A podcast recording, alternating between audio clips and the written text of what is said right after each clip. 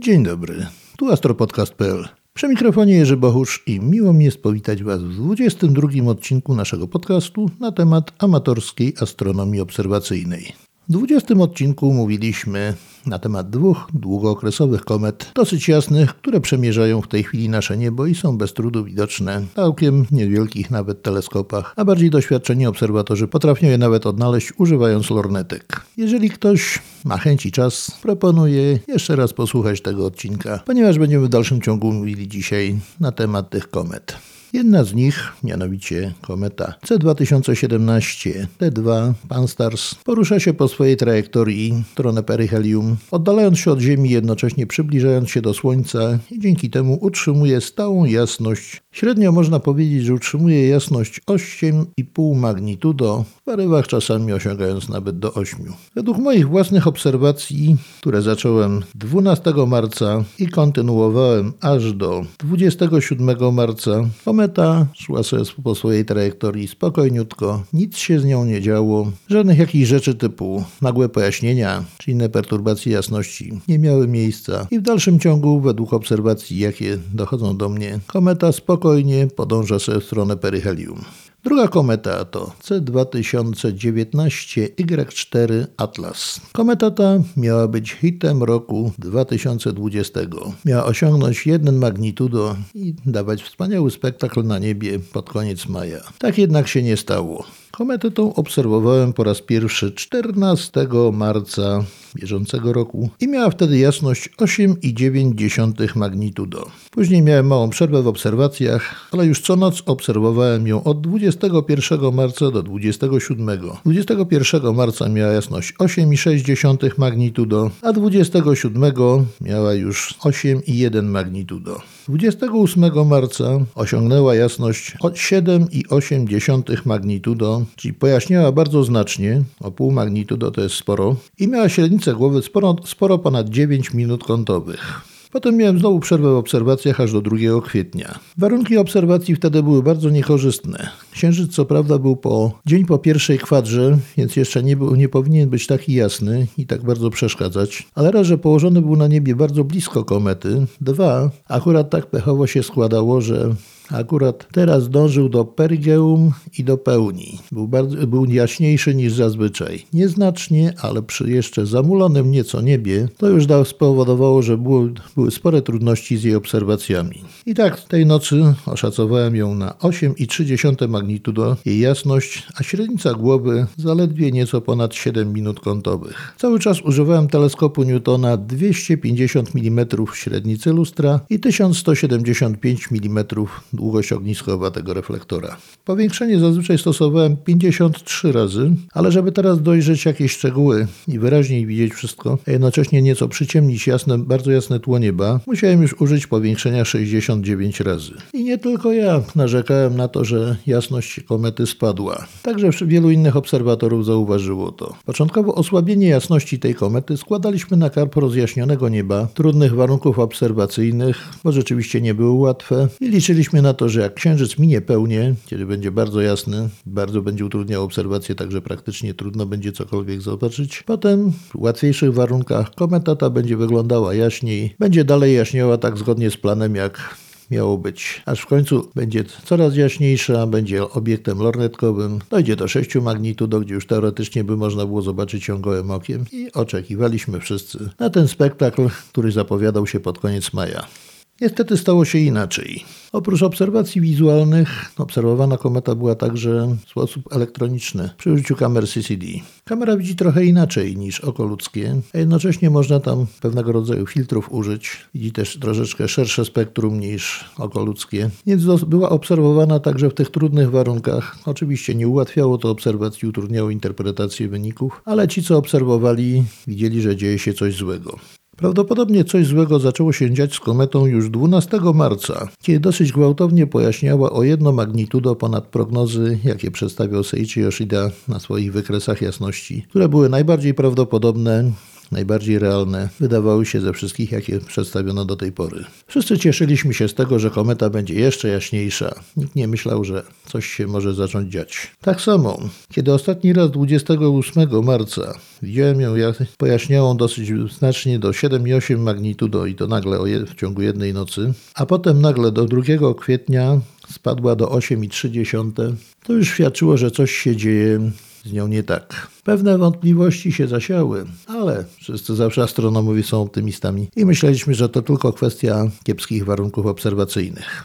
Tak, początek dramatu nastąpił gdzieś na przełomie marca i kwietnia, dokładnie, między 31 marca a 1 kwietnia, kiedy kometa zaczęła dosyć gwałtownie tracić swoją jasność. Widoczne to było nie tylko na obrazach CCD, ale również ci, którym udało się zaobserwować ją wizualnie, jeżeli mieli pogodę, zauważyli dosyć wyraźny spadek. Wtedy jeszcze nikt nie myślał, że coś złego się dzieje, ale już było widać, że coś się dzieje nie tak. Później, tak jak ja 2 kwietnia, widziałem już, że zdecydowanie osłabła osłabła i to pół magnitudo to już jest sporo i zaczęła słabnąć. Jednocześnie jest zagęszczenie centralne, bo trudno nazwać jądrem, bo jądro w kometach zazwyczaj jest niewidoczne, jest tak maleńkie, ale zaczęło tracić swoją gęstość optyczną, zaczęło się rozmywać, wydłużać w kierunku warkocza. Słaby warkoczyk na zdjęciach jest doskonale widoczny. Wizualnie było go dosyć trudno zobaczyć. Mnie się akurat nie udało w tej komecie zobaczyć warkocza. Ale jeszcze wszyscy myśleli, że nic specjalnego się nie dzieje. Dopiero ostatnie zdjęcie zdjęcia pokazały, że pojawił się jeden fragment jądra lekko przed kometą, a ostatnie z wczoraj, czyli z 10 kwietnia, zdjęcia ukazują już cztery fragmenty jądra i bardzo wydłużoną resztę, resztę tej zagęszczenia centralnego w stronę warkocza. Co się dzieje?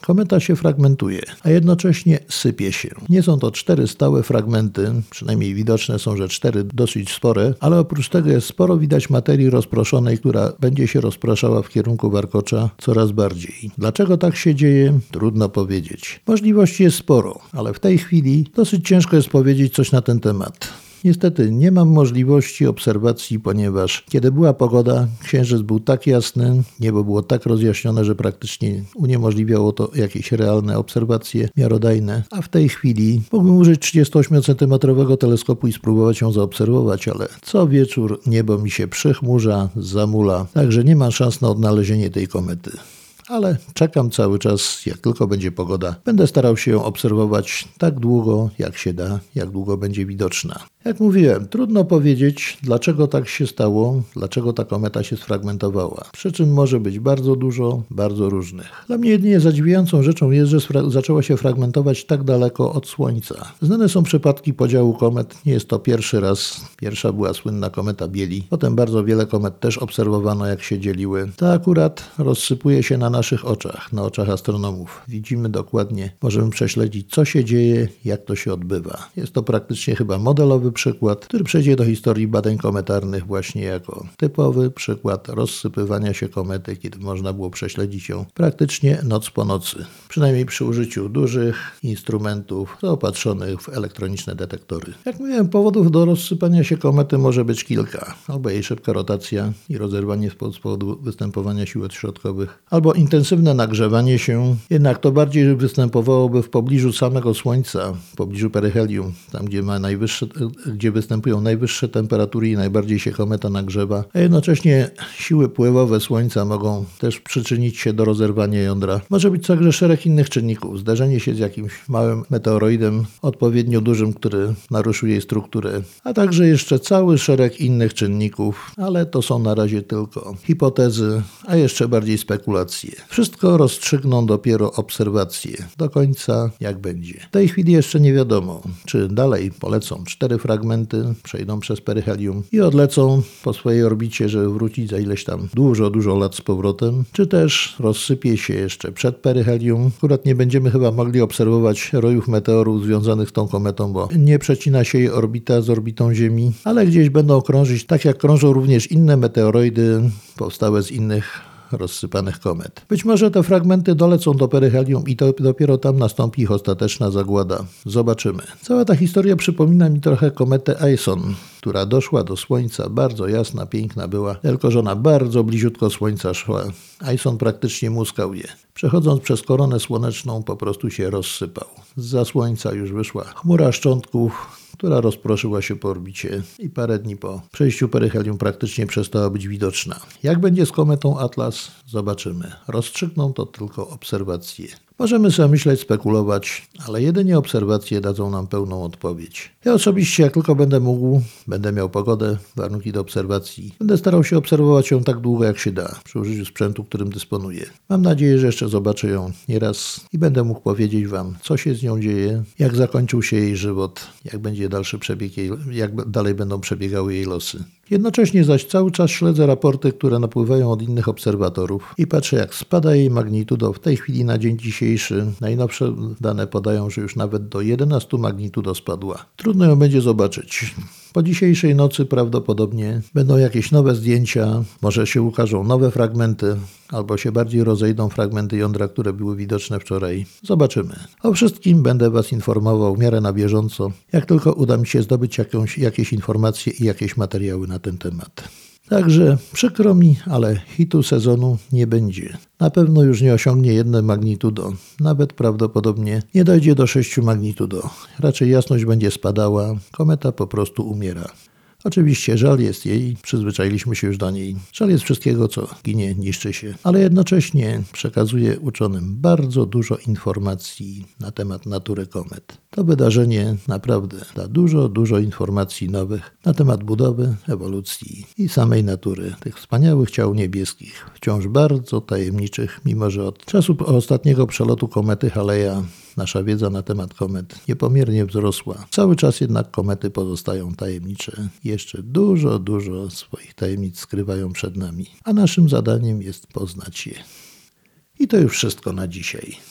Słuchajcie astropodcastu.pl. Jak zawsze zapraszam Was do kontaktu zarówno na stronie astropodcast.pl, mailowego, jak też na mediach społecznościowych typu Facebook, Instagram, Twitter, na profilu Jerzy Bohusz. Wszystkim Wam życzę spokojnych, pogodnych, zdrowych i pełnych miłości świąt wielkanocnych.